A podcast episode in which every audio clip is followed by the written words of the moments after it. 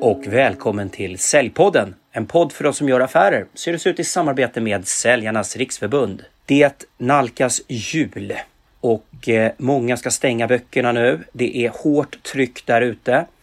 Så att det här avsnittet kommer fokusera väldigt mycket på också hur vi tar oss in i 2022 på allra bästa sätt. Men det är också ett väldigt speciellt avsnitt för att det är mitt sista Säljpodden avsnitt. Nu lämnas stafettpinnen över. Säljarnas riksförbund, fantastisk organisation som gör massor för sina medlemmar, ska ha en ny inriktning på podden. Mer konkret tips och tricks för att på så sätt faktiskt hjälpa medlemmar och lyssnare att ta nästa steg. Jag håller med säljarnas, det är dags för det här. Och vem bättre att leda den här podden i framtiden än Leonardo Johansson?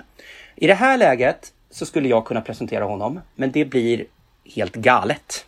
Så jag låter Leo presentera sig själv. Ja, men tack så mycket Ken. Helt magiskt att eh, få den här förfrågan om att kunna leda Säljpodden. Det har du gjort riktigt bra hittills och eh, ja, men det blir en tuff nöt att knäcka hur jag ska leva upp till alla förväntningar där ute som är satta på Säljpodden utifrån Eh, den expertis som du har förmedlat. Men det ska bli jättekul att kunna vara väldigt konkret både kring privatekonomi, löneförhandlingar, konkreta säljtips som är generiska, generella för säljare där ute.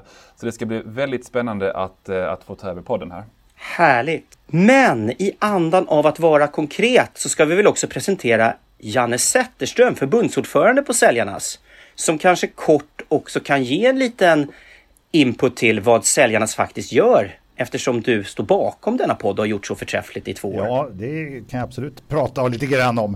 Eh, vi, vi håller ju på med att hjälpa säljare att bli ännu bättre säljare. Det är väl grunden och vi försöker se till att eh, man har en bra jobbsituation. Eh, vi har ju våra jurister, vi har inkomstförsäkringen, vi har utbildningar och eh, mycket, mycket annat.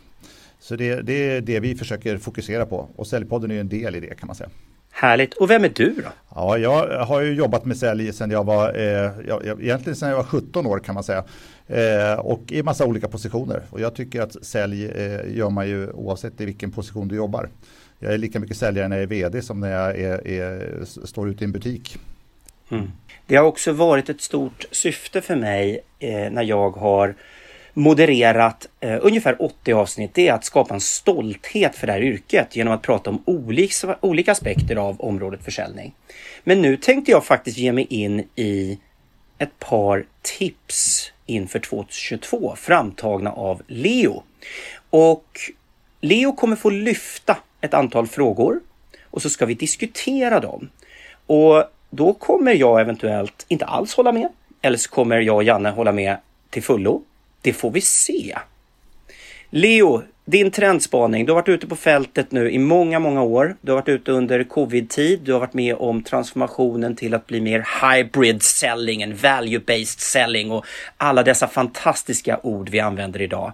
Vad är den första punkten som man bara måste foka på 2022? Nej, men under mina 15 år, både inom business to consumer och business to business försäljning, så har jag sett att det finns vissa tips som har kunnat fungera tidigare men som inte riktigt funkar längre i, de här, i den här digitala eran som vi nu står inför. Men de tips som jag tänkte ta med idag och det allra första som handlar om kundåtaganden. Det är någonting som alltid har varit viktigt för säljare där ute. Det gäller bara att göra det här på ett lite annorlunda sätt idag än vad man har gjort det tidigare. Så när vi pratar om kundåtaganden, det allra första tipset som jag vill ge, det är att på grund utav att den psykologiska aspekten av ett köpbeslut i dagens läge, alltså att det är lättare för kunderna att tacka nej till någon man inte har träffat, för det är inte alla som får träffa kunderna i dagens läge, så måste man arbeta mer med det vi kallar för micro commitments på engelska, eller delaccepter.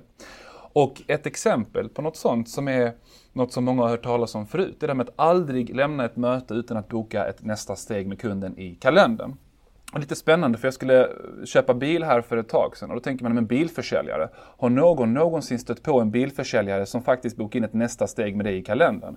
Jag har inte stött på en sån bilförsäljare i alla fall. Men jag kan säga det att på grund av att bilförsäljaren inte gjorde så med mig då blev jag helt enkelt, eller han öppnade upp möjligheten för mig att titta på andra alternativ. För att han hade kunnat stänga mig mycket, mycket snabbare och köpa den här bilen som jag då var väldigt exalterad över. Så att det här är ett superviktigt tips. Aldrig lämna ett möte utan ett nästa steg i kalendern. Det är ett exempel på ett mikrocommitment. Janne, du träffar ju många säljare. Hur upplever du att säljare är eh, på det här området? Att faktiskt vara tydlig med ett nästa steg i mötet? Det här är ju, det här är ju gammal, gammal beprövad säljtaktik och teknik kan man säga. Eh, det är bara det att man har kanske tappat det lite grann och nu måste man, eller man kanske har, man har det kanske där fast man tänker inte på det på samma sätt när man kör digitalt. Så det tror jag det är ett jättebra tips tycker jag. Eh, och även, även sen när vi får börja träffa folk, häng, häng kvar i det, i det arbetssättet. Det tror jag kan vara viktigt. Mm. Det här känns ju egentligen ganska självklart. Man går på dejt med en tjej eller en kille eh, då måste man ju på något vis boka upp ett nästa steg, annars kommer ju allting rinna ut i sanden. Eh, det är ju lite samma i försäljning. Varför tror du att man inte gör det här då, i lika stor utsträckning som man borde, Leo? Alltså, jag tror att det handlar om att dels om man är ganska eh, ny som säljare så kan det handla om att man känner att oh, jag fick en jättebra känsla i mötet och det här kommer gå hur bra som helst. Men man glömmer av att motparten, alltså kunden, alltid har andra prioriteringar också. Vilket gör att du måste nästan liksom jag höll på att säga tvinga sig in i kundens prioriteringslista, men det är nästan lite så ibland. Och det handlar om att se kundens bästa men samtidigt vara duktig på att styra din process. Så jag tror att det är mer en, ah, men jag har alltid gjort så här eller jag tror ändå att det kommer gå bra för mig. Men just det jag pratade om tidigare med att i den här digitala eran så var det här bara ett exempel på en typ av eh, commitment, åtagande man kan ha. Ehm, och ett annat exempel kan då vara att mellan mötena be kunden, få kunden att göra saker, att lägga tid på någonting. För forskning visar på att ju mer tid en kund lägger på någonting, oavsett om det är inom bilförsäljning, om det är telefonförsäljning eller mer komplex försäljning, ju mer dedikerad kommer kunden vara till den här processen, till relationen med dig. Så eh, ja, jag vet inte om det var svar på din fråga Ken? Jo, men det var det. Jag tycker att det här egentligen är ganska logiskt. Jag vill addera en sak om jag får och det är mm. att Ja, man pratar om vår process som säljare. Jag mm. tror att det är viktigt, men här tror jag vi tappar en dimension.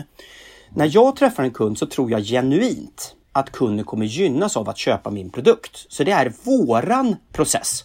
Att inte boka ett nästa steg är en disrespekt för kundens tid som de la ner på att träffa dig. Nästa steg kan vara Ken far åt helvete eller jag träffar gärna dig igen eller vad det än må vara.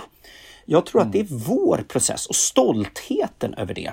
Det är bara mitt tillägg i det här. Och, och jag tycker du är inne på något rätt spännande för att eh, nu kom jag in på en annan grej som också besvarar, eller delvis besvarar den fråga du ställde tidigare. Varför gör inte alla säljare detta? För ibland kan man känna sig lite för pushig om man då eh, alltså vill, för mycket verkar vilja få till ett nästa steg i en viss process. Men du hjälper ju faktiskt kunden att fatta ett beslut. Du hjälper kunden att ta sig igenom en strukturerad process som du vet gynnar kunden till att fatta ett bra beslut. Så att det handlar om att vara lite mer våghalsig, lite mer modig kanske, om man tycker att det här är för pushigt för en själv, för det är inte det.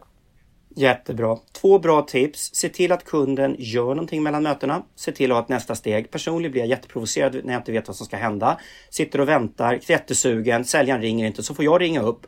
Ja, det klarar jag av att göra, men det gör inte de flesta. Mm. Precis. Nej, och sen får man väl komma ihåg att det finns ju konkurrenter där ute som ringer emellan. Nej. Det, det, det, jo, det, det är sant faktiskt. Det, det, är svårt att tro, men det finns. Härligt. Leo, bra första punkt. Mm. Eh, vad har du mer att ta fram för säljare och säljande funktioner där ute som lyssnar? Mm. Ja, men jättebra, tack, tack för frågan här Ken. Det finns ju så mycket tips jag kan ge inför 2022 men någonting som många har pratat om under de senaste åren det är det här med social selling och LinkedIn. Och det finns ju hur många sådana här LinkedIn-gurus där ute som helst. Eh, och vissa är duktiga på att förespråka det som jag nu kommer gå in på och andra är inte lika duktiga på det. Och en sak som kanske inte sitter som en rutin hos alla säljare men som borde vara en självklarhet. Där efter att du har haft ett möte med en person eller en grupp av personer, lägg till dem på LinkedIn och skriv ett meddelande tidigt i processen. Det här har vi alla hört tidigare men det är långt ifrån alla som faktiskt gör det. Det är ju en sak. Men det som jag vill komma in på som är lite annorlunda, det är det här som vi kallar för B-swarming.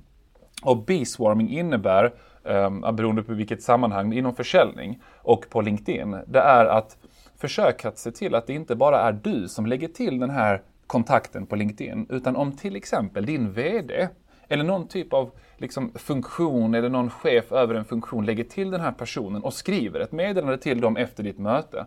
Hej Martin, ehm, jag såg att, eh, eller jag fick höra att du hade ett jättebra möte med Lotta. Ehm, ser fram emot att connecta med dig på LinkedIn.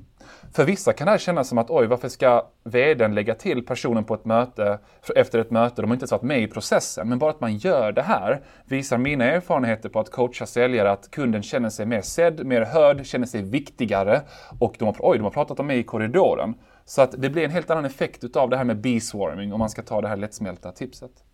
Härligt! Låt mig först säga att jag tycker det här är bra. Jag ska bidra med en annan dimension av B-swarming. Men låt mig vara djävulens advokat. Mm. Jag har ingen lust att paja mitt flöde med any random idiot, höll jag på att säga, att connecta mm. med den personen. Mm. Eh, any random idiot, det var väl att ta i, men, men ni förstår vad jag menar. Och eh, det tror jag lyssnarna gör. Var, eh, hur ser du på det, att man faktiskt inte vill connecta med allt och alla? Ja men det är ju helt okej. Okay. Alltså, om, om, om du känner så här som säljare, om jag ska be min VD eller någon typ av eh, chef för någon typ av funktion här att lägga till de här, ja ah, men det är inte alla som kommer vilja acceptera deras kontaktförfrågningar. Nej men då gör de inte det. Och det gör ingenting. Men jag har i alla fall gjort ett försök och visat dem att de har top of mind hos er internt. Och så att vill inte personen acceptera dem, då gör det inget. Men i minst 50% av fallen så kommer de göra det. Ser statistik som jag har sett hos fem olika företag som jag analyserat. Speciellt om man har träffat den här personen någon utav personerna, någon säljare till exempel. Så att, eh, ja. Men det personliga meddelandet är viktigt? Jätteviktigt på LinkedIn. Det vet ju säkert du Ken som har så många kontakter och även du Janne att får ni en kontaktförfrågan utan ett personligt meddelande eh, och ni inte vet vem personen är, eh, det är inte jätteofta man, man accepterar dem, kanske inte lika snabbt i alla fall. Får du många kontaktförfrågningar Janne? Det får jag ju, eh, både från medlemmar och från eh, eh, leverantörer och sådär. Så det, det, visst händer det. Och som du säger, man lägger inte till de som inte har sagt, sagt någonting eller meddelat någonting. Så är det, ju. Man, det, det, är lite för många för att man bara ska plocka upp folk hur som mm. helst mm. i flödet det, om, man, om man följer sitt LinkedIn-flöde varje dag och var och varannan minut i alla fall som man, en del gör kanske så blir det ju väldigt, väldigt mycket inlägg att följa. Mm. Mm. Jag ska addera en dimension av biswarming. Det här uttrycket är inte jättefärskt. Det har funnits väldigt, väldigt länge.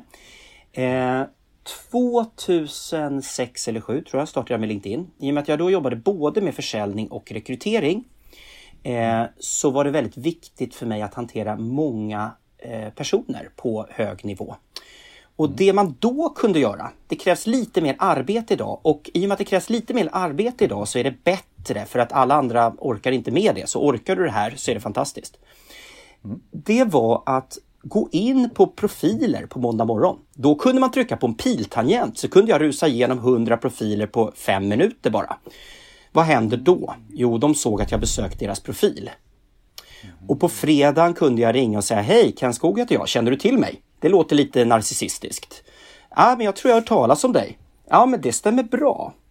Det här är faktiskt någonting som funkar fortfarande. Visa upp ert ansikte. Eh, det ska ni göra regelbundet. Eh, för till slut kommer folk komma ihåg dig, kanske connecta dem med dig till och med. Gud vad häftigt att du säger det Ken. Nu kommer jag att tänka på att, att jag har en kund inom mjukvarubranschen och vad de gör det är att om de har då hittat 100 beslutsfattare som de vill eh, påverka.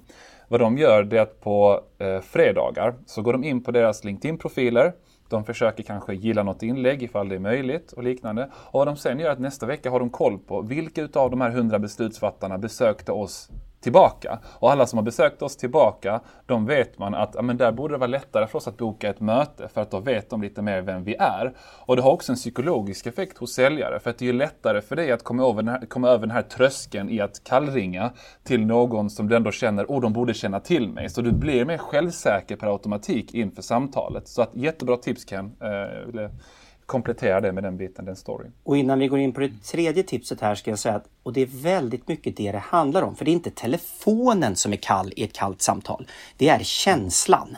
Vilket innebär ja. att du kan värma upp dig själv. Du behöver inte ta på dig jackor utan du kan faktiskt hitta sådana här knep som gör att du får ett, ett möjligtvis malplacerat självförtroende men det är gott nog.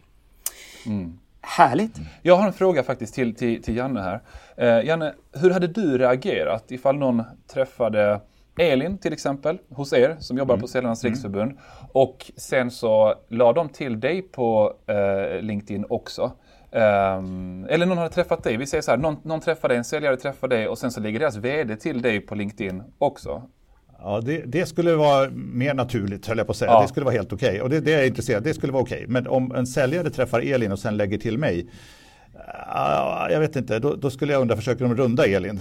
Elin har ju en uppgift eh, och, och, så den där får man nog balansera lite grann och vara försiktig med.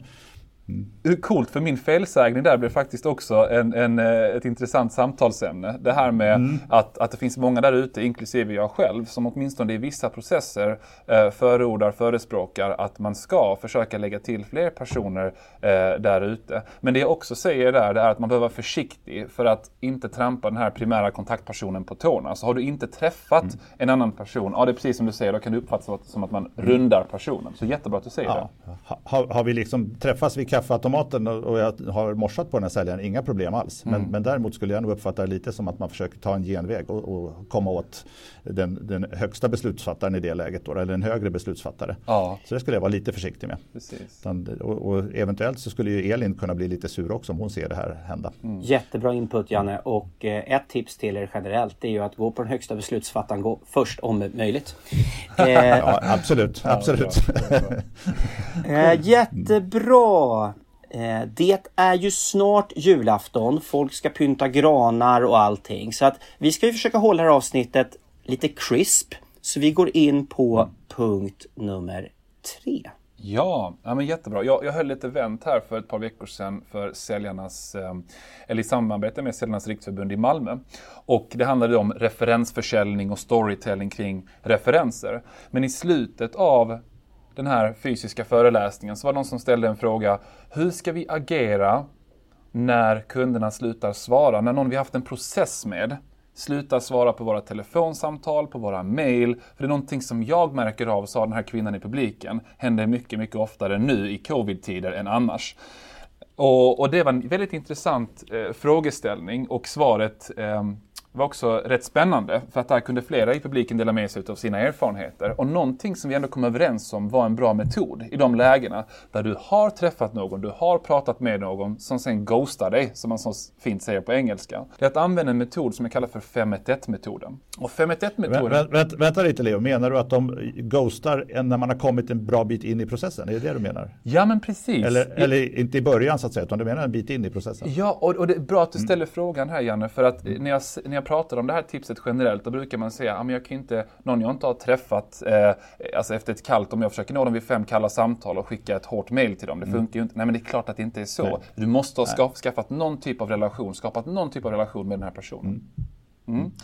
Och den här 511-metoden innebär då att den första femman står för att du ska ungefär försöka ringa den här personen vid fem olika tillfällen. Så försök inte att mejla, det vet vi de flesta erfarna säljare att ett telefonsamtal är ju mycket bättre än ett mejl. För att det är svårare för kunderna att till exempel bemöta invändningar och liknande. Ehm, och när du då gör det här, fem olika samtal, du har försökt få tag på dem, de svarar inte. Då går du in på den första ettan. Den första ettan innebär att jag skickar dig Ken jag skickade ett snällt mail som innebär Hej Ken, jag förstår att du har haft jättemycket på din agenda. Du har säkert suttit i möten när jag har försökt nå dig. Um, det, jag skulle verkligen uppskatta om vi kunde ta ett samtal här i dagarna, förslagsvis torsdag den här tiden. Vad jag vill göra med det här Ken, det är att jag vill få dig, om du då känner att det är lite jobbigt att svara på mitt samtal för att åh, oh, den här säljaren Leo har ringt mig vid fem tillfällen, nu är det jobbigt att svara vid det sjätte samtalet. Att, att minska på den tröskeln för dig. Det vill jag göra med den här första ettan. Och där brukar det vara ungefär ska man säga 20-30% som ger svar. Och då tänker man, men vad gör vi med resterande 70%? Och det är här magin inträffar. Det är när du är lite hårdare, vågar vara lite hårdare och rakare i ditt sista mail, den sista ettan. Och då skrev jag till exempel så här, Hej Ken, nu har jag försökt nå dig vid minst fem tillfällen. Det är viktigt för mig att veta om det här är intressant för dig eller inte. Så för att undvika att slösa på både din och min tid så uppskattar jag ett svar från din sida. Leonardo. Inte med vänliga hälsningar, inte hej har du haft en bra dag, inte strunta i allt sånt. Var superrak i din kommunikation utan att uppfattas Ehm, alldeles för, vad ska man säga, brysk om man säger så. För det som händer här, eller det man tror kommer hända, det är att vi kanske eh, eh de här kan reagera negativt på det beslutsfattandet. Men vad som oftast händer det är att de ger ett svar, och ett positivt svar, som är Åh du förlåt Leo, jag, jag har sett att du försökte ringa mig, men låt oss pratas vid vid, det här, vid den här tidpunkten, jag har haft alldeles för mycket att göra. Så det är ett längre tips här, men det var just för att kunna följa den här 511-metoden. Fem samtal, ett snällt mail och ett rakare mail. Mm. Jättebra. Jag eh, vill bara fråga, för det handlar väldigt mycket om detaljer när man gör sådana här saker. Det är väldigt mm. lätt att vara teoretisk, sen gäller det att bryta ner det i detaljer. Eh, det här raka mejlet. Ja. Kan man inte vara rak och kortfattat trevlig samtidigt? Alltså, jag skulle säga det att det kan man säkert vara. Det jag dock har sett när vi gör de här eh, utskicken, om man säger så, i cellprocesserna, det är att när du är så pass rak att du kanske inte ens uppfattas som trevlig, utan nästan som att det är en miniutskällning utan att du är för brysk, om man säger så då händer något annat i det här omedvetna psykologiska beslutsfattandet. Om ska jag svara på detta eller ska jag inte svara på det? För du har försökt vara trevlig i tidigare mail men ändå vara relativt rak. Svarar de inte på det den här första ettan, då behöver du vara ännu rakare och oftast inte så trevlig att de märker av att du frågar om hur läget är eller liknande. Mm. Så det är i alla fall mina two cents på det. Att nej, inga trevligheter i det sista mejlet. Mycket, mycket rakare. Vi ska inte slösa på varandras tid. Jag behöver ett svar. Jättebra. Med det.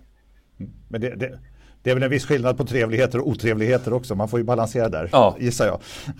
att du tänker. Men jag, jag, det, det, där är väl lite grann som ett eh, sånt här talarmanus eller ett telefonsäljarmanus. Att man, man får liksom använda sig av, man får, man får formulera sig själv lite grann så, man, så att man låter som sig själv i alla fall. Absolut. Så, så, så att, jag tror att det är ett jättebra tips. Jag tror att de här hör ihop punkt 1 och 3. Om du är väldigt tydlig med ditt nästa steg när du sitter i ditt första mm. möte. Då tror inte jag att du kommer behöva ens 5-1-1 utan du kommer nog kunna gå ner till 3-1-1 tror jag. Bra. Ganska snabbt. Jag skulle inte ja. jaga någon mm. fem gånger om vi var väldigt överens om en överenskommelse. Utan jag skulle ganska snart faktiskt skriva vi var överens om att återkomma idag. Eh, hoppas allting är bra. Vi var överens om att återkomma idag. Eh, är det så att de inte svarar på det, då tror jag man kan gå ganska snart till nästa. Men sen om det är 5-1-1 eller 3-1, det spelar ingen roll. Det viktiga är strukturen som Leo lyfter. Exakt.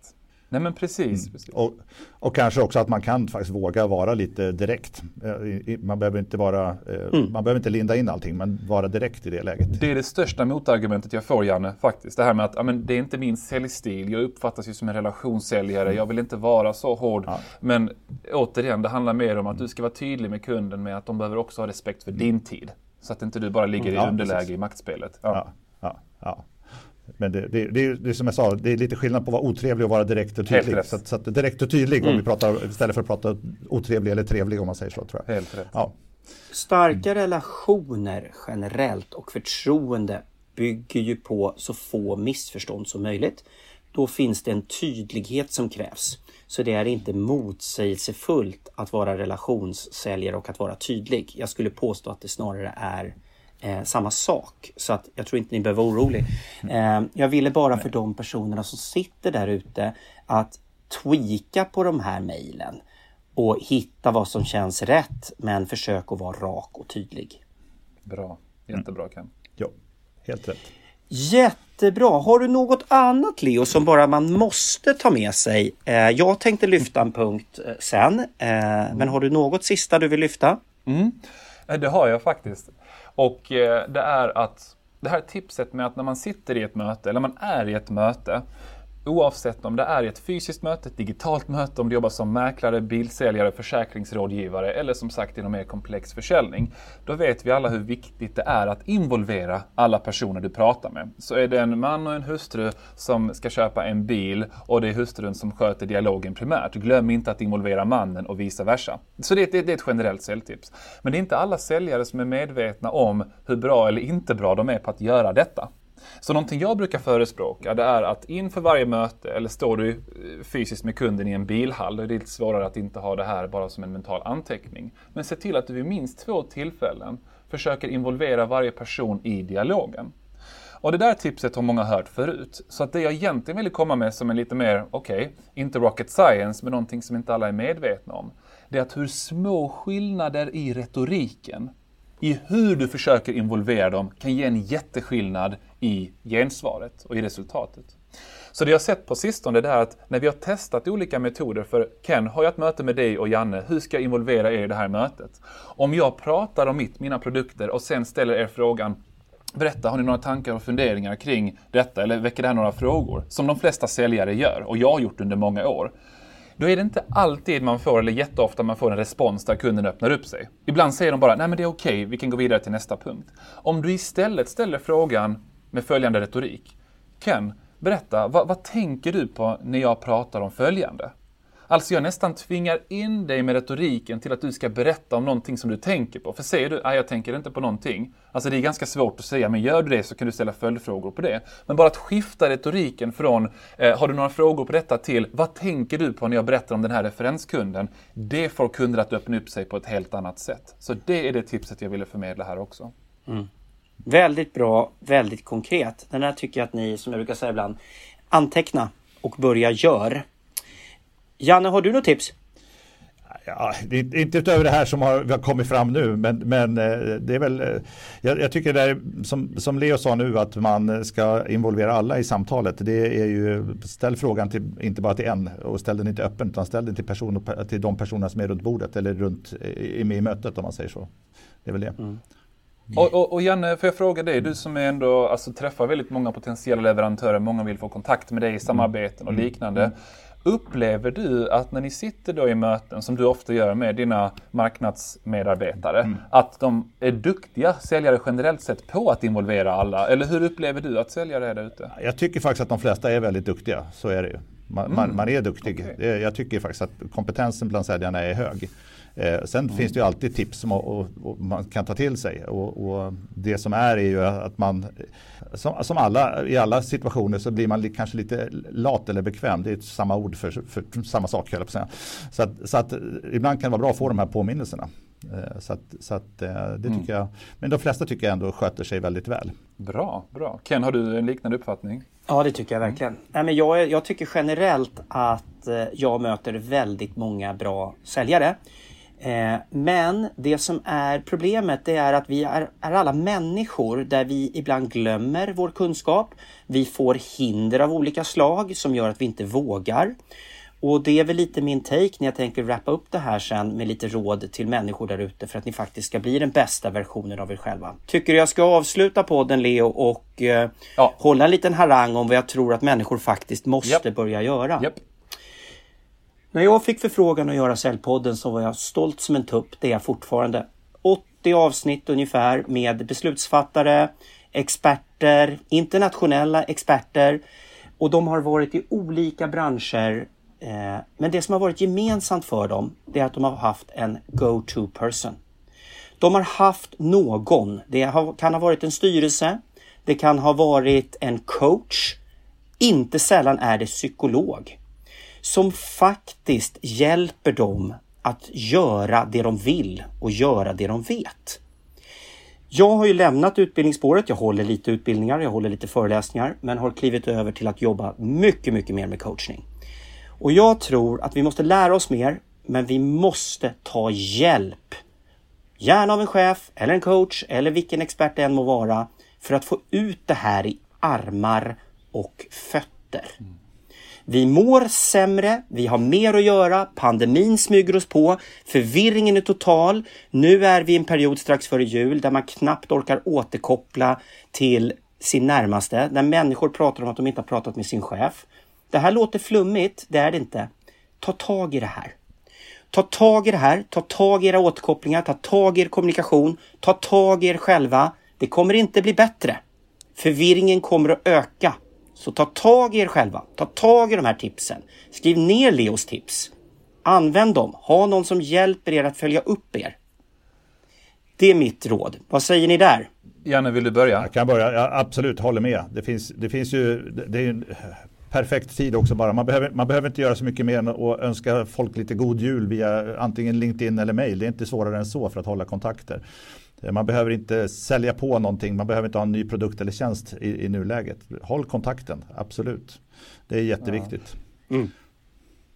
Jag, jag, jag har faktiskt eh, ett tips när det kommer till hur man får till ett möte, hur man får till ett samarbete med någon som blir en typ av eh, coach. För ibland får jag förfrågningar på LinkedIn av personer som skriver till mig, hej Leo, jag hade behövt ett bollplank, en coach. Och vad jag tänker då, vad, vad, vad tror ni att jag tänker? Jag tänker, oh, herregud, har jag tid med det här? Nej, det har jag inte. Så att och då tänker man, okej, okay, hur kan de göra istället? Om man är mer konkret, om du vill fråga någon om de ska bli din coach eller ditt bollplank och liknande, berätta för dem i samma andetag om ungefär hur mycket tid de kommer behöva dedikera till detta. Så säg att du hade behövt ha en, en kvart, 20 minuter per månad där jag bollar lite idéer med någon och du är en förebild mm. för mig. Något sånt där, då blir det okej, okay, men det här mäktar jag med. Det är ju en sak. Och en annan sak som känns som lite manipulativt, men som jag har märkt funkar ganska bra på mig när de ska försöka få till, liksom, få mig som coach eller liknande det är att de först ger mig komplimanger. Och då tänker ni, oj det där låter ju väldigt cheesy. Men om de har kommenterat, du jag kollar på ditt klipp eller jag har följt dig ett tag, jag är jätteimponerad av dig. Då blir det mycket svårare för mig att tacka nej. Eh, speciellt ifall de har gjort det här i, i två olika eh, vid två olika tillfällen. Så om de en månad skriver till mig, du jättebra klipp, superbra, då har jag det top of mind. Och när de sen kontaktar mig och ber om coaching, då är det mycket svårare för mig att tacka nej. Mm. Jättebra. Så kom ihåg det. Ta hjälp. Eh, de bästa mm. gör det. Och sen agera, agera, agera. Det är det absolut viktigaste. Bortom alla teorier, all inspiration. Agera. Det är det viktigaste. Gör fel, men agera. Hörni! Vi närmar oss slutet på 2021 och jag närmar mig slutet på denna fantastiska tid av att ge ut Säljpodden. Tack Janne för förtroendet. Det har varit grymt kul. Tack själv. Vi har haft roligt ihop tycker jag och vi har verkligen hittat spännande gäster och det ska vi fortsätta med. Jag vill tacka lyssnarna för ris, eh, ros. Eh, det är så med feedback också att den feedback inte som säger bra jobbat, den är inte svinstark. Men den feedbacken som på djupet är konkret och träffar, den tar jag med mig och jag är väldigt tacksam för det beröm som har kommit kring frågorna och hur vi har borrat och inte riktigt släppt gästerna fria helt och fullt i deras eh, tankar utan faktiskt försökt få dem att precisera. Leo, jag hoppas du kommer ta vid på bästa sätt, det är jag övertygad om. Du kommer göra din spinn på det här och jag tänkte att du ska få avsluta med att önska gott nytt år och skicka med något sista. Absolut. Ja, men, eh, som sagt, jag vill önska en jättegod jul och ett gott nytt år till alla lyssnare där ute. Och det sista jag vill skicka med er det är att, ja, men, lite inne på ditt spår, att det här självledarskapet är viktigare än någonsin. Alltså att ha disciplinen att försöka fullfölja sina drömmar. Eh, och det här nyårslöftet man ofta har med att oh, jag ska börja träna fem dagar i veckan. Det är samma sak inom försäljning. Att när du sätter ett så pass högt mål och du då börjar känna att Nej, men jag lyckades inte med att boka fler än de här mötena. Jag lyckades inte med att gå till gymmet mer än tre dagar i veckan. Bli inte besviken på dig själv då utan ha fortfarande en stolthet i att tre dagar är mycket bättre än ingenting alls. Så det är någonting jag vill att folk tar med sig här inför det nya året. Att sätt höga förväntningar på dig själv men fallera inte eller tillåt dig inte att fallera bara för att du inte lever upp till precis det mål som du har satt upp. Härligt! Då vet ni. Be-swarming. Självledarskap. Involvera alla i rummet. Boka ett nästa steg. Se till att få kunden att göra någonting mellan mötena. Se till att inte gå förbi den personen du har träffat genom att bara hoppa till nästa eh, ett steg upp i hierarkin utan var tydlig med hur du gör. Kör 5-1-1 metoden där du faktiskt är väldigt tydlig på slutet och eh, talar om att nu måste vi respektera varandras tid här. Snälla återkom.